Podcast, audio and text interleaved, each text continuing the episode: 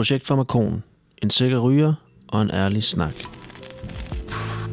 Vi har talt med Mi, der arbejder for Antidote Danmark som sygeplejerske i Fixelancen. Hun fortalte os om hendes arbejde med brugerne, hendes baggrund og om Antidote-projektet. Det er på Vesterbro i Kødbø. Og vi er ved den gule Kødbø. Ja, i midten mellem den gule og den grønne. Tror jeg. Og det er sådan, man siger det. Har jeg haft mange... øh, Nej, vi har ikke haft så mange i dag, men øh, når det regner, så kommer der som regel heller ikke så mange. Ja, du må gerne få en kop kaffe. Vi har hverken mælk eller sukker, men hvis du kan klare dig uden det. Der var en den anden dag, der troede, at der var vildt sur, og jeg kunne lave kaffe latte til ham. de, ville ikke, de forstod ikke engelsk, de forstod ikke dansk. Jeg prøvede på sådan semi-spansk at forklare dem sådan, jamen, det er ikke en kaffevogn.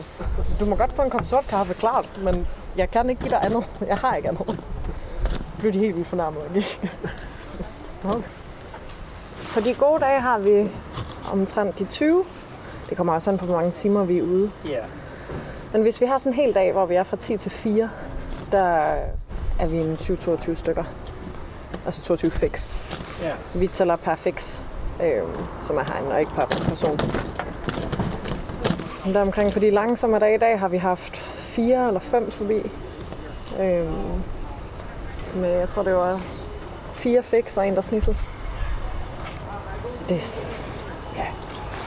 Sådan er det. Når det regner, så ved jeg godt, at jeg ikke bliver så velbesøgt. Vi har haft en inde i bussen. Øh, for nogle måneder siden, der havde en heroin overdosis, som vi fik genoplevet igen og kom med på hospitalet. Og så har vi assisteret ved en heroin overdose nede ved, øh, ude på pladsen, ude ved bænkene. Øh, men ja, det er ikke mange. Vi ser, vi havde den ene, og det er den eneste, vi har haft siden 2019. Så det er meget få, der overdoserer. I forhold til, hvor mange vi ved, der overdoserer om dagen. Så ja, så har vi haft nogen, der har været lidt tæt på, ikke? hvor man sidder og monitorerer dem med ilten klar og en iltmåler på fingeren, og lige og ser, om de bare er det helt perfekte sted, eller om de er i gang med at vælte. Øhm, og dem har vi haft et par stykker af. Det ved jeg ikke, hvor mange. 5-6 stykker de sidste 2-3 måneder, tror jeg. Hvor vi har siddet helt klar. Og de studerende, eller hvad hedder det, de frivillige har været helt. Sker det nu? Men det er meget få. Det er jo selvfølgelig også H17 har en del mere, men de har jo også mange flere mennesker inden, end vi har. Øh, også fordi de har røg oveni, ikke? og det er lidt mere, kan være lidt mere hektisk derovre, end der her. Jeg ved faktisk ikke, hvad deres tidsbegrænsning er derovre. Øh, men det er jo også, at der er så mange mennesker derovre, så det kan godt føles lidt mere sådan presset, at man vil hurtigt videre og hurtigt væk. Ikke? Kommer man til at fikse lidt for hurtigt, og ikke lige mærke efter. Jamen, de har plads til 11 i deres fix, ikke? og det er jo i døgnet. 11 hver gang. Jeg ved ikke, hvor mange der er plads til i rygeren. Måske en 20 styk. Måske mere. Så der er jo også bare mere knald på end her. Prøv at beskrive dit arbejde. Hvad, hvad, hvad gør du? Beskriv... Henter bussen. Og stiller, den, stiller bord og stol frem og lige klor af derinde. Øh, vasker gulvet. Henter noget kaffe. Og så kommer folk jo ind og klakker deres stof og får det værktøj, de har behov for. Øh, også nåle, staser, pumper, hvad det nu er. Øh, og så snakker vi lidt som regel både om, hvad de skal tage, om det er kokain eller heroin. Og bare sådan om, om vind og vejr.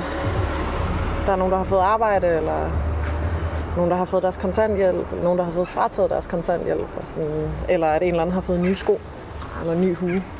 Øhm, så det er meget, altså det føles meget sådan caféagtigt egentlig.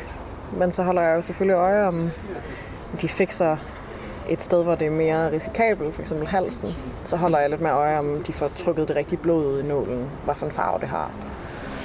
Øh, at de har spritet af inden. Øh, og sådan, du ved, lige har en ren nål klar. Så hvis man selv glemmer, at man skal skifte den, så har jeg ligesom åbnet op og kan nudge lidt til, at man skal have den rene nål på. Og så er det meget snak, meget relationsarbejde. øhm, og meget med at passe på folk og høre på deres historier. Der er rigtig mange, der har brug for at tale Også bare sidde herinde og få en kop kaffe og lige have nogen, der lytter i et roligt rum.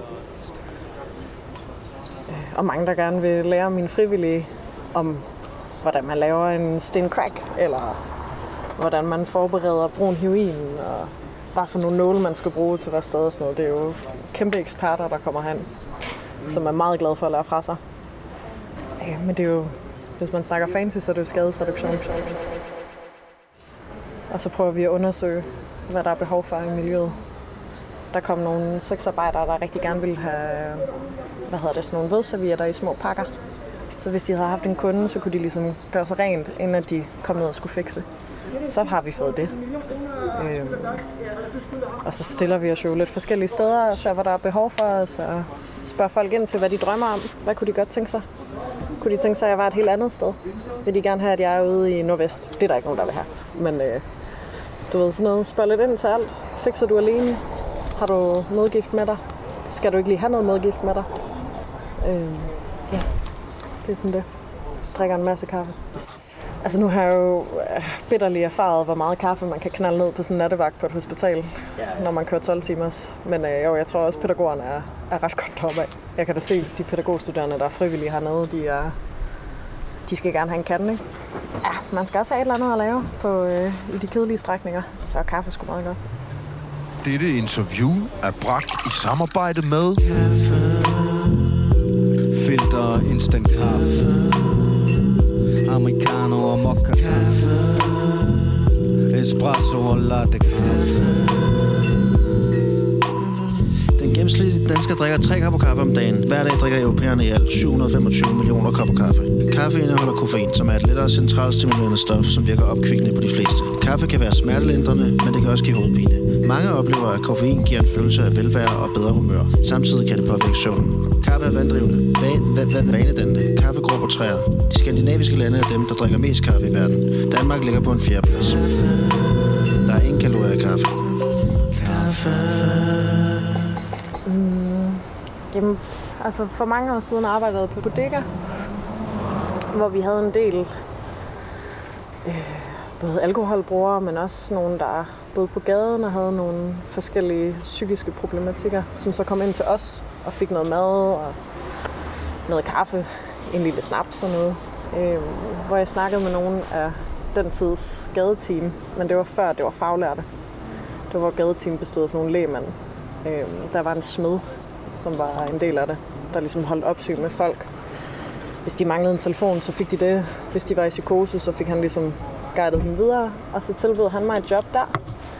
Men så skiftede Københavns Kommune til, at nu måtte det kun være fagfolk. Og så begyndte jeg at arbejde i herberg, Mariakirken og kvindenødherberg. Øh, og lave sådan noget selv. Delte noget mad ud til hjemløse om vinteren. Og så blev jeg sygeplejerske. Jeg troede, jeg skulle være social sygeplejerske. Jeg skrev min bachelor omkring det. Og endte på Bispebjerg, hvor jeg var et år under covid. Fik stress. Stoppet. Tænkte, hvad fanden skal jeg så lave? Øh, og så så jeg bare tilfældigt på Facebook, at Antidote manglede en sygeplejerske. Og var sådan, øh, man kan lige så godt prøve. Og så sagde de, de skulle jeg. Så øh, jeg tror altid, at det har været øh, det, der hedder addiktiv sygeplejerske, som jeg synes er spændende, som udsat faglighed. Mm. Øh, hvor jeg synes, jeg er dygtigst og brænder mest for det. Så sådan noget, det ved jeg ikke, der er meget sygepleje, jeg synes er kedeligt, som jeg ikke ville give. Operationssygeplejerske ville jeg synes var røvsygt. Det er sikkert pisse spændende, hvis man er til det. Men jeg kan bedre lide relationsarbejdet. Der er en masse pisse kedelige og sørgelige historier. Øh, og nogle mega hårde liv og omstændigheder, der har gjort livet svært for nogle mennesker. Men i virkeligheden synes jeg, det er ret altså, livsbekræftende at være her, fordi folk er helt vildt søde, de er helt vildt glade for, at vi er her. Og det er den der tendens til, at hvis jeg giver en kop kaffe og en cigaret til en, så kan det redde en hel dag. Altså det er så lavpraktisk og nemt. Og så er mine omstændigheder jo ret gode, fordi jeg bestemmer selv mine arbejdstider, fordi jeg arbejder igennem en NGO og ikke et hospital. Øhm, og fordi at jeg ikke er underrettet, eller jeg er ikke underlagt de samme, måske ikke relevanter, men jeg er ikke underlagt de samme sådan, omstændigheder, som man er på et hospital, hvor man konstant løber i sådan en hamsterhjul, du kan aldrig vinde. Du har aldrig tid nok mm. til dine patienter. Så jeg synes egentlig, at min, på trods af, at det kan være nogle hårde historier, og det kan være hårdt at se folk, der har det virkelig, virkelig dårligt, øh, kommer hen uden sko på, eller hvad hedder det, står der og fortæller, at de er gået fra hus og hjem, og konen er skadet, og det hele er noget lort.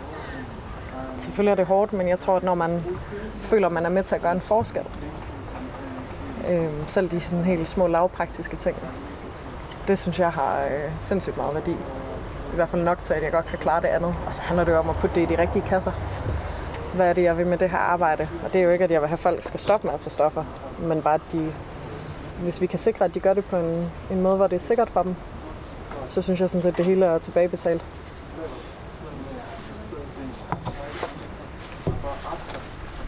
Men altså, selvfølgelig er der dage, der er bedre end andre, ikke? Ud fra hvad der lige er foregået.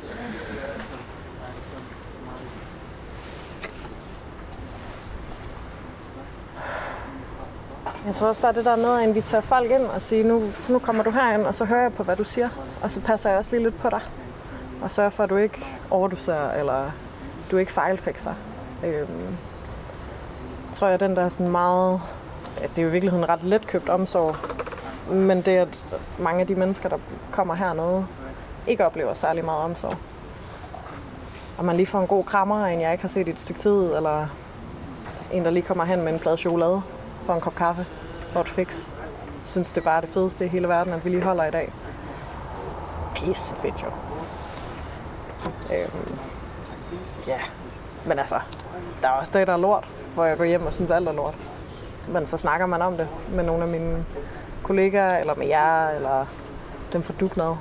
Snakker det igennem med nogle mennesker, der også forstår, hvad det vil sige at arbejde sådan et sted her.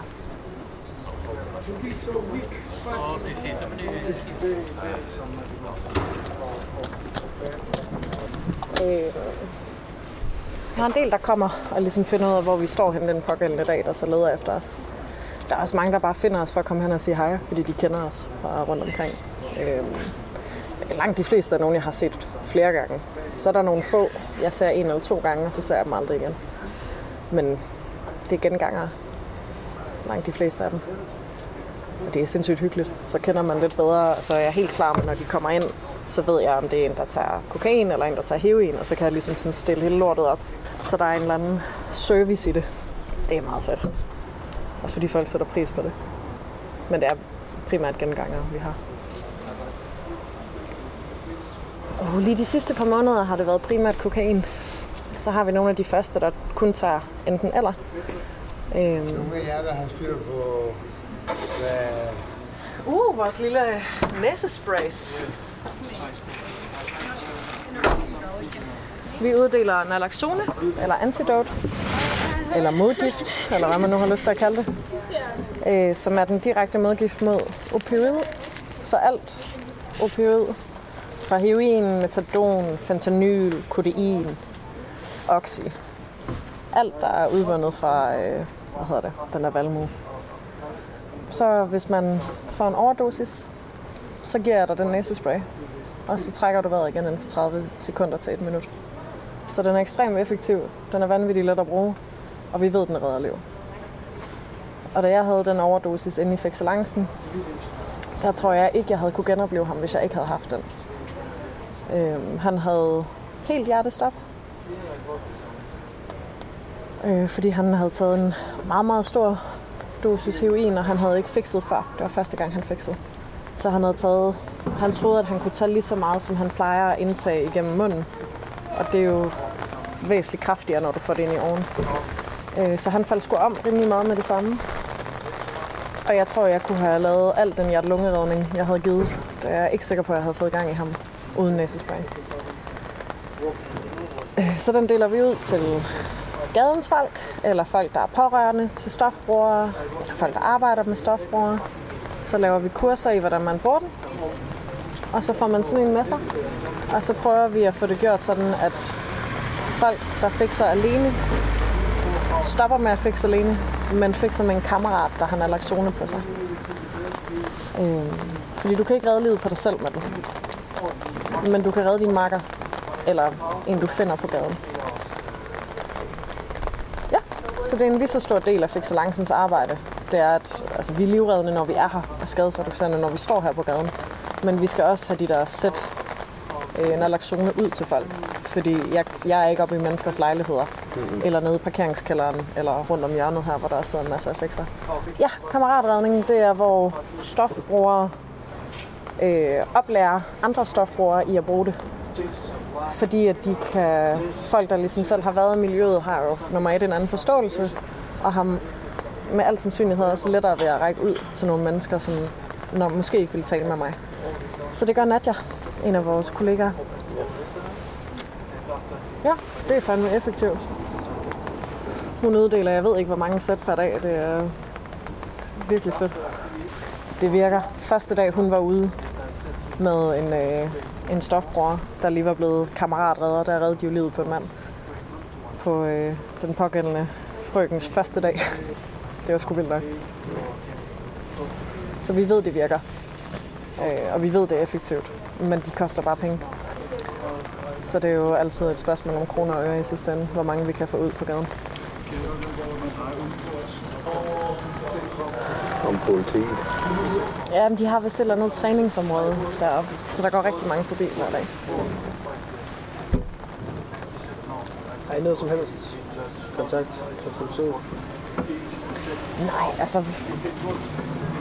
Gadebetjenten Rud der, han kommer jo nogle gange øh, og lige snakker og tager status. Men øh, altså, vi har jo tavshedspligt, og folk har ret til at være anonyme her. Så vi har egentlig ikke... Det er ikke, fordi vi samarbejder med dem, men det er heller ikke, fordi vi ikke gør. Altså, vi fortæller ikke, hvor nogle mennesker er henne. Nej. Og den slags. Det må de selv finde ud af. Men øh, altså, det er heller ikke, fordi vi råber efter dem, eller Nej, nej. er tavlige. Jeg vinker der sødt og smiler, når de kommer ned og siger haha. Men øh, jeg tror, de er glade for, at vi er her. Og vi er sådan, altså... Det er ikke så tit, at jeg, jeg har aldrig ringet efter dem. Jeg har ringet efter Rod en gang, men det var, fordi jeg ville høre, om der var stofbrug ude i Sydhavn, som jeg skulle ud til. Høre, om det ikke gav mening at køre bussen derud. Jamen, han havde snakket med altså Sydhavns version af Rod, som hedder Rane. Øh, de to havde snakket sammen og mistænkt, at der var, nogen, at der var kommet nogle stofbrugere derud under covid. Øh, så ringede jeg bare til ham Rane der, for at høre, om jeg ikke lige skulle parkere bussen derude i et par dage, og sørge for, at folk havde rene nåle og så videre. Men det viser, at de her Sydhavn har ikke så mange, der tager stof derude. Det er mere alkoholbaseret og øh, pas. Og det kan jeg ikke, det har jeg ikke så mange remedier til. Jamen, det var i den periode, hvor der var rigtig mange af de gæster, jeg normalt har på en dag, der pludselig blev væk i måneder. Så tænkte jeg, at jeg lige skulle se, om jeg ikke kunne finde dem. Mm. Fandt de havde gemt sig hen. Øhm, så der ringede det var, jeg tror det var to måneder, hvor halvdelen af mine faste bare ikke kom. Og der var ikke nogen, der vidste, hvor de var henne. Og, altså normalt så hører man jo lidt med jungletrummerne, om der er nogen, der er røget ind og sidde, eller kommet på hospitalet, eller har fået en, en eller anden plads på et bosted, eller sådan noget. Men øh, de forsvandt bare. Øh, så jeg ringede bare lidt rundt for at høre, om jeg ikke kunne lokalisere dem, så jeg kunne få bussen derud. Jamen, der var vist en øh, kælder, som øh, der havde stået åben. Der havde både været køkken og bad og sådan noget, så det havde været et strålende sted. Men det havde de så fået, det var Rod, der fortalte det. Det havde de jo fået nys om, betjentene, så de havde været nede og rydde det. Men så dukkede folk op igen bagefter. Det var meget rart. Altid lidt bekymret, når ens faste ikke kommer. Om de er okay. Skal vi egentlig bruge nogle flere af dem her? Eller har du stadigvæk? Jeg har stadig masser. Okay, super. Så gemmer jeg. Ja, jeg har givet en del af de der stålødelsfætter ud. Øh, men jeg har pakket, øh, jeg har pakket dem i, hvor der er mindre i hver pose. Goddag, goddag.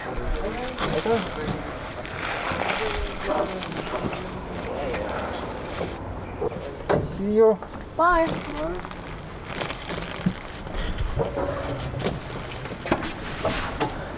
Goodbye.